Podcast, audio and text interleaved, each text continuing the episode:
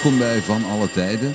Mijn naam is Peter Perceval, ik ben schrijver en regisseur en in deze podcast kijk ik met mijn buddy Bert Kruismans, comedian, auteur en all over slimme mens uiteraard, naar merkwaardige feiten en gebeurtenissen in de actualiteit. En gaan we op zoek naar gelijkenissen en oorzaken in de grote en kleine geschiedenis.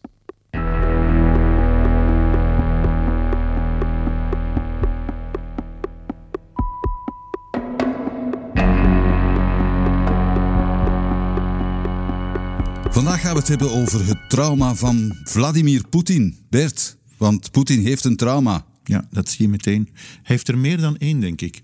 Maar vandaag gaan we het hebben over een van zijn belangrijkste trauma's. Ja, want voor buitenstaanders lijkt zijn gedrag heden ten dagen dat van een losgeslagen gek. Maar waarom wordt de Russische president wit van het idee van een NAVO-uitbreiding naar Oekraïne?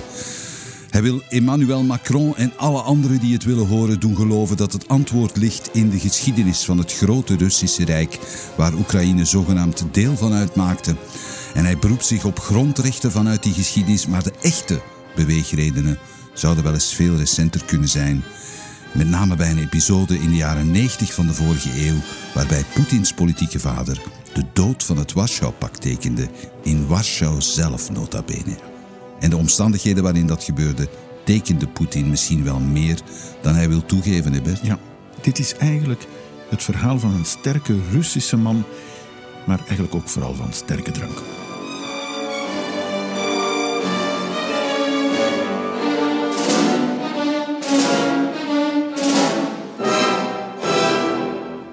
Dus we zetten het podium vandaag in Warschau. Bert, Polen, dat denk ik is toch belangrijk om te noteren, was binnen het militaire bondgenootschap van Oost-Europa, het Warschau-pact, een beetje een onwillige bruid. Ja, het was het grootste land, uh, als we Rusland even niet meerekenen, van dat Warschau-pact. Het had een turbulente geschiedenis in de 19e en de 20e eeuw gehad met Rusland. Uh, het borrelt, het bruist daar, mensen zijn ontevreden. En dat zie je in de jaren 70. Um, aan het eind van de jaren 70, begin jaren 80, eigenlijk begon het allemaal in 1976 met de oprichting van de vrije vakbond Solidarność. Hè. Ja, dat was een, uh, als ik me goed herinner, een, een vakbondsleider met een enorme hangsnor. Ja, uh, met een enorme hangsnor, een enorme liefde voor de maagd Maria. Een elektricien van een scheepswerf in Gdansk, ook wel bekend als de stad Danzig. Lech Walesa was die man. En hij werd uh, vakbondsvertegenwoordiger. Sterker nog, hij werd een vertegenwoordiger van een vrije vakbond, die dus eigenlijk niks te maken had met de communisten. Dat was op zich al zeer opmerkelijk. Uh, de man verliest uiteindelijk zijn job als elektricien op die werf in, uh, in Gdansk. Maar het blijft borrelen. Ik bedoel, de, de, Amerikanen, Ronald Reagan wordt daar president in 1980, die steunen die, uh, die beweging. Ja, dat was in, in ik herinner mij, toen ik een jonge snaak was, dan droegen, droegen wij ook allemaal van die pins van Solidarność, van, met het logo van die vakbond. Ja, want die vakbond werd eigenlijk enorm gesteund door de uh, christendemocratische vakbonden in Europa. Er, er, was uitwisseling. We krijgen dan nog die, die Poolse paus, 1978, Johannes Paulus II, maar die eigenlijk Karol Wojtyla heette, was een bisschop uit Polen. Uh, waar gaat zijn eerste reis naartoe? Eenmaal paus geworden naar Polen. Ja, er komen miljoenen, miljoenen mensen op af. En ik herinner mij nog zeer goed een cartoon uh, van zo'n een, een, een miljoenenbijeenkomst in Polen. De paus staat op het podium. Er staan, pff, weet ik veel, acht miljoen mensen voor het podium. En net voor dat podium staan twee mannen in een uh, een grijze regenjas en een smalle deukhoed. en de ene zegt tegen de andere: noteer hun namen. Wat? ja, het was een beetje, dat, dat hele pausgebeuren was een beetje een in-your-face aan de Sovjet-Unie eigenlijk. Inderdaad. Ja. En uh, ja, de innige band tussen Polen en de Sovjet-Unie, als die al had bestaan, die begint te verbrokkelen. Het Poolse regime weet ook niet goed wat ze daarmee aan moeten. De kool was aan het lossen. Inderdaad. En wat doen de Russen dan? Wel, traditiegetrouw sturen ze het leger. Hè. Ja. Dat hebben ze in Hongarije gedaan in 1956 en in Tsjechoslowakije twaalf jaar later in 1968. Maar, maar in Polen hebben ze dat niet gedaan, nee, toch? Nee, er komen geen Sovjet-tanks. De Polen denken, wat we zelf doen, doen we beter. en de stafchef van het uh, Poolse leger, die pleegt een staatsgreep. Uh, Zelf. Ja, die man heet Jaruzelski, generaal Jaruzelski, Ja, voor bevelhebber van het leger. Ik herinner mij foto's van die man en beelden. Hij zag er een, hij had zo een grote donkere bril op altijd. Ja. En eh, hij zag er een beetje creepy uit eigenlijk. Zo'n klein hoofdje met zo'n grote bril. Ja, en, en natuurlijk traditiegetrouw met zo'n enorme kepi op het hoofd. Ja. Zoals al die Oost-Europeanen toen eh, droegen. En met die bril inderdaad... Ja, voor de, ik zou zeggen voor de jeugd onder ons, maar dat is een slechte vergelijking, want die weten ook al niet eh, over wie ik spreek. Hij zag er een beetje uit als Roy Orbison, vond ik eigenlijk. Maar hij kon niet zo goed zingen. ik heb zijn versie van Pretty Woman nooit gehoord. Oké. Maar de man is zeer belangrijk geweest. Ehm, de man stamde trouwens uit een oude Poolse adellijke familie. En werd ooit door de Russen naar Siberië gestuurd. Met, zijn, met zijn familie. Ja, Oké. Eh, omdat hij niet, ja, niet gehoorza- gehoorzaam genoeg was. Hè. En ehm, daar heeft die jonge Jaruzelski in Siberië sneeuwblindheid opgelopen. En vandaar zijn ogen geraakten, raakten beschadigd. En vandaar moest hij zijn hele leven lang een bril met donkere glazen dragen. Oké. Vandaar dat creepy uiterlijk. Maar die, die Jaruzelski denkt van... Ik moet die Russen hier buiten houden. Want ik ken die mannen. Ik ken die mannen, dat zijn goede vrienden van mij. Ja. En eh, hij gooit het op een akkoordje met de Russen. Hij contacteert zijn vrienden, namelijk eh, Russische generaals in het Kremlin. En hij zegt, weet je wat, ik doe het zelf. Hij stuurt zelf zijn tank, zal ik maar zeggen, pleegt een staatsgreep in 1981. Valessa vliegt in de gevangenis. Oké. Eh, een militair bestuur neemt het land over. Maar goed, je kan dat niet blijven vasthouden. En uiteindelijk wordt Lech Walesa vrijgelaten in 1982. En je raadt het nooit, maar na de val van de muur in 1990 wordt deze, vakbond, eh, deze vakbondsleider eh, de president van Polen. En Hij heeft dan wordt- ook de Nobelprijs voor de Vrede Ja, eh, ja. weggekaapt Ja, ondertussen ook nog. Hè? Ja. ja. En eigenlijk het feit dat hij president werd, dat maakte hem meteen tot een van de hoofdrolspelers in dat trauma van Poetin dat we vandaag bekijken. Dus we schrijven de zomer van 1993. En wie zijn de hoofdrolspelers? In de ene hoek, zullen we maar zeggen, hebben we Lech Walesa, Walesa, ja. voormalig elektrici- elektricien, Ja, vakbondsleider uit eh, Gdansk. Ja, Ik stel mij voor, wie zou hier, voormalig elektricien, zou hier staatshoofd kunnen worden? Of eerste minister, pakweg. Dat zou dan op, in deze situatie waarschijnlijk een Pool zijn. Ah ja, ja, want er zijn geen eh, autochtone Belgische elektriciëns meer. Dus eh, ik denk dat wij ook een Pool moeten binnenhalen. Ja, ja, Ja. zoiets. Ehm, in 1993 staat aan de andere kant, in de boksring zal ik maar zeggen, tegenover Valessa, de eh, president, niet van de Sovjet-Unie, maar van Rusland ondertussen. En dat is de heer Boris Yeltsin. Dat was nogal een figuur. Fantastische figuur. Eh, je kan hem denk ik het best schetsen als een soort eh zattenonkel op een trouwfeest. Oké. Ehm, hij had een, een zekere gezegende leeftijd. Hij had ook een zeker eh, gezegend BMI.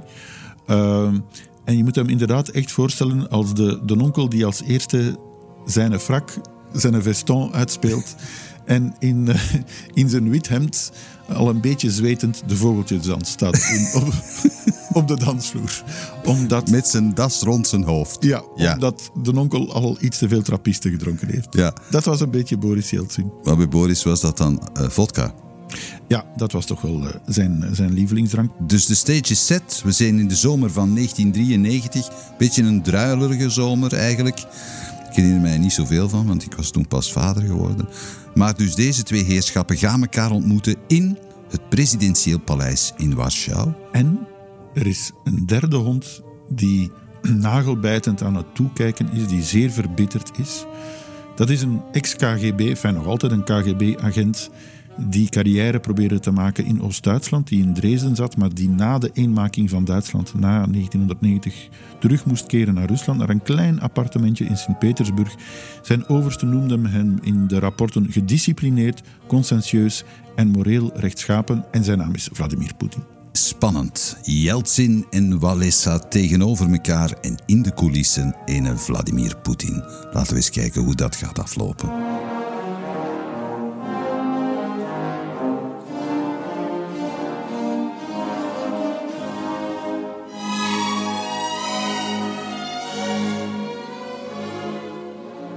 Bert, we zijn in Polen, de zomer van 1993. En ehm, ik ken toevallig een paar woorden Pools. Ik weet niet Of dat je dat weet van mij. een van mijn onvermoede talenten. Ja, inderdaad.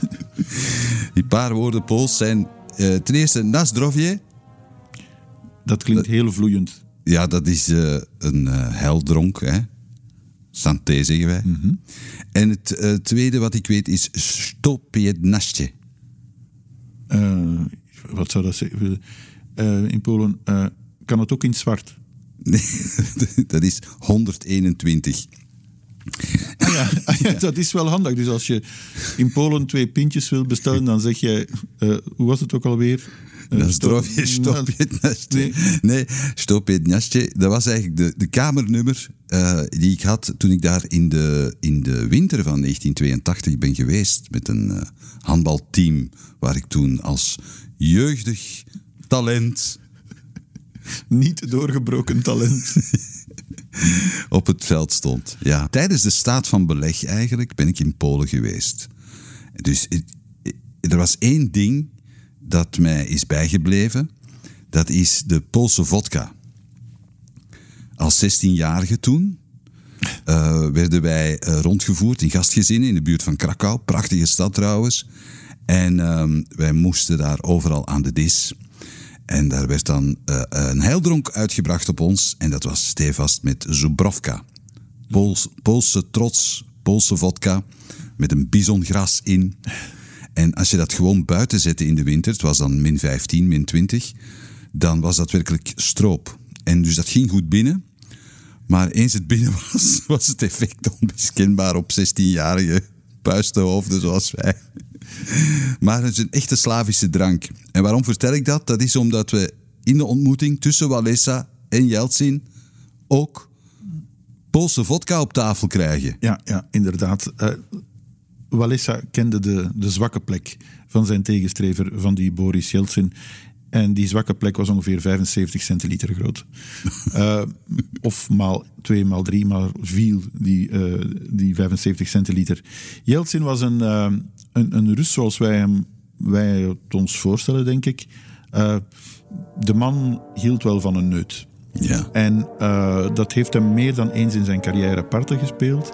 er is een verhaal bekend dat hij uh, bij een terugvlucht naar Moskou een tussenlanding maakte in Dublin, in Ierland. En het was voorzien dat hij daar op, uh, op de luchthaven, op de tarmac, de premier van Ierland zou ontmoeten. Ja. Het probleem was, uh, Yeltsin was zwaar in de tax-free gevlogen, zal ik maar zeggen. Uh, had meer dan één fles gekocht, denk ik, in de tax-free shop. Het kwam erop neer dat het Russische vliegtuig bleef cirkelen in het luchtruim van Ierland om uh, Jeltsin de tijd te geven om terug uh, tot zichzelf te komen. En maar het draaide dan cirkeltjes, dus dat ja. was niet echt doeltreffend. Nee, nee, nee. Ik dacht van, oh man, alles draait hier rond. Nee, maar het was het vliegtuig zelf dat draaide. ja. Ondertussen stond de Ierse regering beneden te wachten in de kou, want we zijn in Ierland, ja. tot Russische vliegtuig zou landen. Ja. Dat, dat is ook geland. Ja. Uh, wie kwam er naar buiten? Geen Boris Yeltsin. wel een vertegenwoordiger van de Russische regering om te zeggen dat de grote baas een beetje ziekjes was, een beetje luchtziek was, en dat, hij, dat de ontmoeting met de Ierse premier uh, niet kon plaatsvinden. Tragisch. Ja, en dan, uh, er, is, ja, er zijn zoveel verhalen over Yeltsin. Er is een ander verhaal dat hij ooit uh, mocht overnachten in het Witte Huis in Washington bij zijn goede ja. vriend Bill Clinton. Dat was een beroemde persconferentie. Kan je opzoeken op internet. Zien Boris Yeltsin echt stevig, stevig in de drank gevlogen. En ik denk Clinton ook. Ja, dat zijn en die twee, staan, die twee staan zatte onkels bijeen eigenlijk. samen te lachen. Ja, ja, ja, ja. Dat zijn echt twee vrolijke henken bij elkaar. En uh, het verhaal is bekend dat s'nachts Boris Yeltsin plotseling uh, ja, verdwenen was. Men vond hem niet meer terug in zijn kamer in het Witte Huis. Men is hem gaan zoeken en bleek dat hij dwaalde door Washington uh, in zijn onderbroek. Enfin, het was nog zijn onderbroek. En waarom dan? Mee. Wat was hij gaan doen? Hij had zin in pizza. hij had zin in pizza en hij dacht van ergens in Washington, in die kapitalistische wereld, moet er om vier uur s'nachts nog wel een pizzeria open zijn. Ja, oké. Okay. Ja. Uh, en dat is iets wat Walesa heel goed wist. Um, het is ja. de eerste reis van Yeltsin naar uh, Polen en Walesa wil daar zoveel mogelijk uithalen. Yeltsin zal uiteindelijk maar 36 uur in Polen ver, uh, verblijven in augustus 93. Maar er zijn wel wat resultaten. Uh, bijvoorbeeld, op dat moment zitten er nog duizend Russische soldaten van het Rode Leger in Polen. Mm. Yeltsin zegt: oké, we gaan die vervroegd terugtrekken. Er komt, dat klinkt wel zeer actueel, een pijplijn voor gas door Polen naar West-Europa, ja. waarbij Polen korting krijgt op de gasaankoop in mm. Rusland. Okay. Um, de Polen krijgen Enfin, dat wordt beloofd, of ze het gekregen hebben, dat is iets anders. De Polen zouden kopieën krijgen van het Sovjetarchief over de steun van de Poolse aan de Poolse communisten in de mhm. jaren tachtig. En aan Jaruzelski, hoe zat dat nu eigenlijk met die staatsgreep? Wat wisten de Russen dan al over Lech Walesa in de mhm. jaren tachtig? Ja. Yeltsin zei, jullie krijgen alle documenten. Maar er stond een belangrijk punt op de agenda voor Walesa. Hij wilde, hij wilde een doorbraak forceren. Ja, het punt is, nog zo'n belangrijk actueel punt, op dat moment was het punt, kan Polen bij de NAVO komen? Walesa wil absoluut bij de NAVO. De grote landen van de NAVO, Verenigde Staten en de grote in Europa, die staan daar eigenlijk niet om te springen. Want die zeggen van wij willen de Russen niet bruskeren. We moeten weten dat het hier gaat over Polen, Tsjechië, Slowakije, Hongarije. Dan hebben we het over landen van het vroegere Warschau-pact. Ja. Uh, namelijk de, de, de defensiegemeenschap van Rusland die opgericht was tegen de NAVO, opgericht in 1955 als reactie op de oprichting van de NAVO. Dus nu plotseling zouden die landen echt naar de andere kant uh, oversteken en lid worden van de NAVO en zou de grens tussen de NAVO en Rusland veel dichter komen te liggen bij Rusland zelf. Uh, het Westen wil Rusland niet bruskeren en houdt de boot eigenlijk een beetje af. Maar nu Yeltsin in Warschau is, wil Walesa dat punt er echt wel doordrijven. Amai. Als je, dat, als je dat zo hoort, dan denk ik echt dat is van alle tijden. Het is van alle tijden landen die bakkeleien over toetreding tot de NAVO van andere landen. En wat we de laatste maanden hebben gezien, uh, bewijst dat ook in die tijd dat men uh, met dat NAVO-lidmaatschap eigenlijk zeer voorzichtig moest uh, omspringen. Oké, maar dus we zijn op die zomeravond. Yeltsin heeft zijn goede wil getoond. En dan doet Walesa een onverwachte move. Een zeer onverwachte zet. Hij stelt voor aan Yeltsin. Kijk, om te beginnen moet je beseffen, we hebben het over Walesa, die opgegroeid is in het Polen van na de Tweede Wereldoorlog, gedomineerd door de Sovjet-Unie. Dat betekent dat net zoals in alle andere landen van Oost-Europa, eh, waar de Russen de baas zijn, uh, Walesa Russisch geleerd heeft ja. op school. Mhm. Angela Merkel bijvoorbeeld, die spreekt Russisch, omdat ja, uit Oost-Duitsland stamt. Absoluut. Uh, dus die Lech Walesa, ook al is hij misschien maar een elektricien, de man spreekt wel Russisch. En dat is natuurlijk in zijn voordeel. Mhm. Hij kan met andere woorden rechtstreeks met Yeltsin onderhandelen zonder dat er tolken in de buurt zijn. En dat is wat hij hier ook voorstelt op 24 augustus. Hij zegt tegen Yeltsin, beste vriend Boris, om te beginnen, wat moeten we om te drinken? Ik heb hier nog een goeie fles, Dubrovka. Uh, van, heb, je, het gemakkelijk gevonden, Warschau? En wat moeten we om te drinken? Ja. Uh, en uh, dan zegt hij: laat ons vanavond gezellig eten, maar met z'n tweeën. Een Pools-Russische tijd à tijd, Valessa, Yeltsin, zonder iemand in de buurt. Zelfs geen orkestje. Geen orkestje, alleen de garçon mag af en toe langskomen om bij te schenken. En Yeltsin, uh, Walesa liever, stelt voor om het een echt Slavisch onderrondje, uh, te, een echt Slavisch onderrondje van te maken, met dus ook echt, echte Slavische dranken. Het is te zeggen, vodka. Ja. Kijk, oorlog is het voortzetten van de diplomatie. Met andere middelen wordt wel eens gezegd. Wel, elkaar onder tafel drinken is dat eigenlijk ook. dat is diplomatie. Ja. En Jeltsin zegt: Oké, het is goed. Ik ben, ah, ik ben de baas en uh, jij betaalt. Die zal uh, in voor een feestje. Geen probleem. En de, de, de, Russische ministers van Defensie en Buitenlandse Zaken die worden ondertussen echt geëntertaind en bezig gehouden door hun Poolse collega's. Okay. Van ja, laten we ondertussen wij ook maar eens vergaderen. Maar die weten, die hebben gewoon de opdracht gekregen: zorg ervoor dat niemand Yeltsin komt storen vanavond. En dat is, dat is wat er ook gebeurt. En wat is het resultaat? Wel, na een paar stevige glazen legt Walesa een eh, voorstel op tafel. En hij zegt tegen eh, Yeltsin: Boris, beste vriend. Eerste vraag: moet er nog iets hebben om te drinken? Uh, tweede vraag. Uh, wij willen ons veilig voelen, de Polen, maar dat is goed voor iedereen. Kijk, uh, er zijn twee mogelijkheden. We kunnen naar de NAVO kijken als Polen of wij kunnen naar Oekraïne kijken. En dat hoort Yeltsin niet graag. Want we mogen niet vergeten dat na de Eerste Wereldoorlog had- hadden de Polen, nationalistisch Polen, het Ja. opnieuw onafhankelijke Polen eigenlijk van na de Eerste Wereldoorlog, eh, had zich vrij agressief opgesteld en had een verbond gesloten met Oekraïnse nationalisten. En vocht ook eh, tegen de Sovjet-Unie, die prille Sovjet-Unie. Eh, op, een, op een bepaald moment stond het Poolse leger in Kiev. Oké.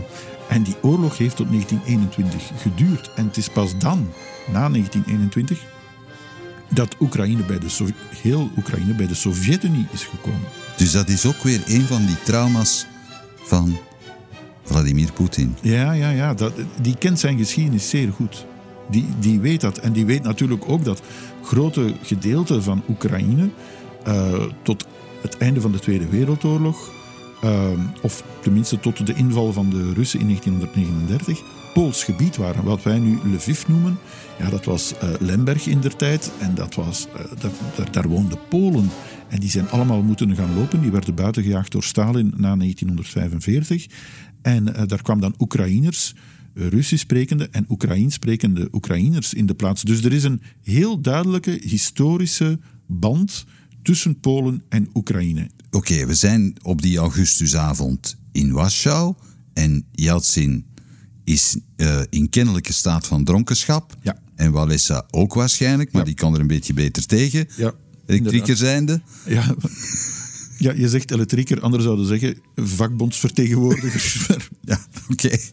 En die zitten en die zegt: hier is een papier, teken dat is. Ja, wel, zo gaat het niet echt. Want ondertussen zitten er ergens anders in het gebouw ehm, Poolse en Russische medewerkers te wachten. En die hun taak is om, als de bazen eruit zijn, een akkoord hebben om dat op papier te zetten en een communiqué op te stellen. Dat gebeurt ook. Ver in de nacht eh, komen Walesa en Yeltsin al wankelend naar buiten. en zeggen van... We moeten hem even te drinken. Nee, nee, die zeggen dan van... Die zeggen dan van, oké, wij hebben een akkoord, zet dit op papier. Er, Ja. er wordt pizza bijgehaald. Remember, Yeltsin Ja, dat ja. Er wordt opnieuw vodka bijgehaald. En er wordt een communiqué opgesteld. Dezelfde nacht nog krijgt Andrei Kozirev, de Russische minister van Buitenlandse Zaken, die ondertussen alle foto's en alle dia's van vakanties van de Poolse minister van Buitenlandse Zaken had gezien, die eh, krijgt dat communiqué nog te zien, s'nachts, van Yeltsin. En die zegt van, dit kan niet. Want, Heb je dit getekend? En Yeltsin zegt van, wie zit jij? Want Kozirev zegt later in zijn boek dat Yeltsin op dat moment geen drie woorden meer kon zeggen, diezelfde nacht.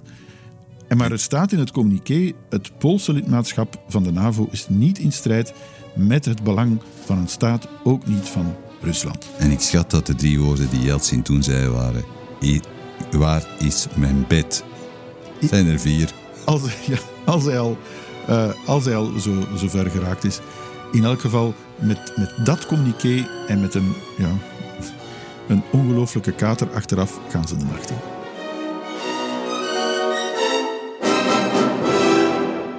Dus Yeltsin heeft een papier getekend in augustus 1993 dat hij beter niet getekend had. Dat hem op slinkse wijze was ontfutseld door Lech Walesa. En de morning after staat hij op. The morning after, wat komt er op tafel? Eh, aspirine. en eh, ja, dat communiqué. De pers weet nog van niets. Kozirev, de Russische minister van Buitenlandse Zaken, probeert dat toch nog tegen te houden en te veranderen. Die zegt ook van, jongens, daarmee kunnen we niet terug naar Moskou gaan. Hij demonstreert het nog eens eh, voor Walesa en voor Yeltsin. Hij zet drie glazen op tafel. Yeltsin zegt, wow, wij beginnen, daar gaan we weer. Maar er zat water in. Maar er zat water in. Maar ja, met vodka zie je niet zo snel het Nee. En Kozirov zegt van, kijk, deze drie glazen water, dat is enerzijds het Westen, dat is Centraal-Europa en dat is Rusland. En hij begint daarmee te schuiven en zegt van, kijk, als het middenste glas, Centraal-Europa, zeg maar Polen, eh, naar het Westen gaat, dan moet het Oosten volgen enzovoort. Eh, we moeten alles houden zoals het is. Yeltsin die is echt nog niet wakker, die snapt niet goed wat er gebeurt. Walesa wel. Eh, want als de Russische minister van Defensie zich aansluit bij zijn collega van Buitenlandse Zaken, dan zegt Walesa: uh, Meneer, u bent een formidabele generaal, maar politiek moet u aan ons overlaten. Oké. En Yeltsin die zegt dan zo, waarschijnlijk zoiets van: Is er iets gebeurd? Die... En, uh, en dan maar die Walesa die legde echt wel zijn ballen op tafel ja, ja, op dat moment. Ja, die speelde hoogspel. En uh, Walesa zegt dan tegen Yeltsin, heeft hij letterlijk gezegd: Boris, Ofwel ben je een echte president, ofwel ben je dat niet. Kijk, dus hij zegt eigenlijk, leg jij ook eens je ballen op tafel. Ja, inderdaad. Hij zegt van, mijn ministers doen wat ik zeg dat ze moeten doen, en die van jou niet. Jij bent de president, jij hebt de macht, of heb jij niet de macht? Hè? Is Polen een soeverein land? Zegt hij tegen, vraagt hij aan uh, Jeltsin. Jeltsin zegt, ja, maar je moet zo hard roepen. enfin, dat staat niet aan alle verslagen, dat laatste. Ja. Maar ik denk dat het zo gegaan is. En waarop Walesa zegt, als een soeverein land zal Polen toetreden tot de NAVO en de Russische toestemming nu zal conflicten in de toekomst voorkomen. En dat wordt het communiqué. Jeltsin geeft toe. Hij zegt ook aan de pers achteraf... Ik wil van dat gezag vanaf. Ja, inderdaad. Ik wil naar huis. en hij zegt, en dat is toch wel opmerkelijk... In de nieuwe Pools-Russische relaties is er geen plaats meer voor hegemonie of dictaat of voor de psychologie van grote broer en kleine broer. Maar ik, ik kan toch niet is hij dan zonder, handen, zonder, zonder iets in handen vertrokken? Nee, nee, nee. Jeltsin is, is misschien wel alcoholverslaafd, maar dat wil nog niet zeggen dat hij echt een complete idioot is. Hij krijgt iets van Walesa. Er komt een impliciet akkoord dat Polen niet zal tussenkomen in een eventueel conflict tussen Oekraïne en Rusland. Daar zijn we weer. Dus van 1993, 1993 eh, zitten we plotseling in 2022. Ja. Dus Polen zal niet tussenkomen, let op, tenzij het gaat om een militaire aanval. Aha. Dat is allemaal niet 100% bevestigd en wat weet ik allemaal, dat is niet, maar er zijn heel veel bronnen die zeggen van zo is het gegaan uiteindelijk. Dat was het, de geheime clausule van het akkoord. En in 1993 vinden de Oekraïners daarna ook dat de Polen zich plotseling veel meer terughoudend opstellen ten opzichte van de Oekraïense broeders. Ja. Dus het is duidelijk dat uh, Yeltsin op dat moment liever heeft dat Polen bij de NAVO gaat dan dat Polen een nieuw soort militair bondgenootschap gaat maken met uh, Oekraïne. En met de ex-collega's van het Warschau-pact. Want we mogen niet vergeten, de eerste Sovjetrepubliek die zich in december 91 onafhankelijk heeft verklaard en die dus eigenlijk het begin van de doodstrijd heeft uh, gegeven, het startschot heeft gegeven voor de doodstrijd van de Sovjet-Unie, dat was Oekraïne. Ja. Dat is iets wat Poetin zich ook nog altijd zeer goed herinnert. Ja. Dat, dat het Russische Rijk uit elkaar gevallen is, in, allereerst in Oekraïne. Dat is het eerste domino-steentje dat gevallen is en de rest uh, is daarna gevolgd. Dus dat heeft Yeltsin wel uit uh, de brand gesleept. Hij gaat terug naar Moskou, wordt daar inderdaad besprongen door uh, ja, zeer nationalistische Russen. die zeggen van dit kan niet. De NAVO die oprukt naar onze grenzen. onmogelijk. En uh, ja, Yeltsin probeert, probeert de schade te repareren die de drank in hem zelf heeft aangericht. Hij stuurt een brief naar de Verenigde Staten en naar de grote westerse landen om te zeggen van ja, nee, eh, voor die ex-leden van het Warschau-pact toetreden tot de NAVO, dat kan, dat kan niet. Mm uh, Walesa was niet verbaasd, want die zegt zelf een paar maanden later aan uh, Bill Clinton, president van de Verenigde Staten, zegt hij, ja, Rusland heeft al veel akkoorden getekend, maar hun woord was eigenlijk niet altijd veel waard. De ene hand van Rusland hield steeds een pen vast en de andere hand een granaat. Klinkt ook weer zeer actueel. Uh, maar kijk, de geest is uiteindelijk uit de, uit, uit de fles. Uit de fles, in dit geval. Letterlijk en, en, en, en figuurlijk. Ja. Uh, het is niet zo dat Polen daarna binnen de maand bij de NAVO komt. De Nee. uitbreiding van de NAVO naar het oosten heeft, heeft nog flink wat voeten in de aarde gehad. Dat is, een, Mhm. dat is iets van jaren, eh, van, van 15 jaar. Maar wat ondenkbaar was voor die samenkomst van Walesa en Yeltsin, is na augustus 93 wel denkbaar geworden. Landen van het vroegere Warschau-pact kunnen dus blijkbaar lid worden van de NAVO. Rusland, Rusland uh, zal niet militair optreden als dat gebeurt. En dat is dus ook gebeurd. Hongarije, Tsjechië, Slowakije enzovoort zijn allemaal lid geworden van de NAVO. En nog veel erger, dat maakt het, het trauma nog groter. Zelfs ex-gebieden van de Sovjet-Unie, namelijk de Baltische landen, zijn ook lid geworden van de NAVO. En dat is dus het trauma van Vladimir Poetin, die dat uh, met uh, het aantreden van Zelensky in Kiev opnieuw zag gebeuren en dacht van ze gaan mij hier niet hebben met een fles vodka Nee. en, eh, en, en, en een goedkope stilo om een akkoord te ondertekenen dat ik niet wil. Poetin is duidelijk eh, ja, uit een ander hout gesneden dan zijn eh, politieke vaders. Boris Yeltsin, ehm, Poetin drinkt niet. Die man drinkt geen alcohol, behalve als het voor de foto moet om een heildronk uit te brengen. Dan zet hij dat glas even aan zijn lippen. Eet hij pizza? Eh, ja, als, die, als, als het een typisch Russisch gerecht is, denk ik, dan zal hij wel eh, pizza eten. En eh, ja, sinds de, macht aan de, sinds de man aan de macht gekomen is in Rusland, meteen eigenlijk is het alcoholgebruik in Rusland met 40% gedaald. Oké. Dat is een mooie verspreking ook sinds de man aan de macht is gekomen. Sinds de macht aan de man is gekomen, ja. Is de wijsheid in de kan. Zoiets zegt het spreekwoord, denk ik. Ja. Ik denk dat we kunnen concluderen dat Vladimir Poetin eh, de littekens draagt van Boris Yeltsin. En dat wij dat allemaal mogen uitzweten op dit moment. Ja, en we moeten ook onthouden dat het, eh, het volk soms roept om een sterke man, maar dat een sterke man ook wel eens roept om sterke drank. Ten drank. Is de duivel.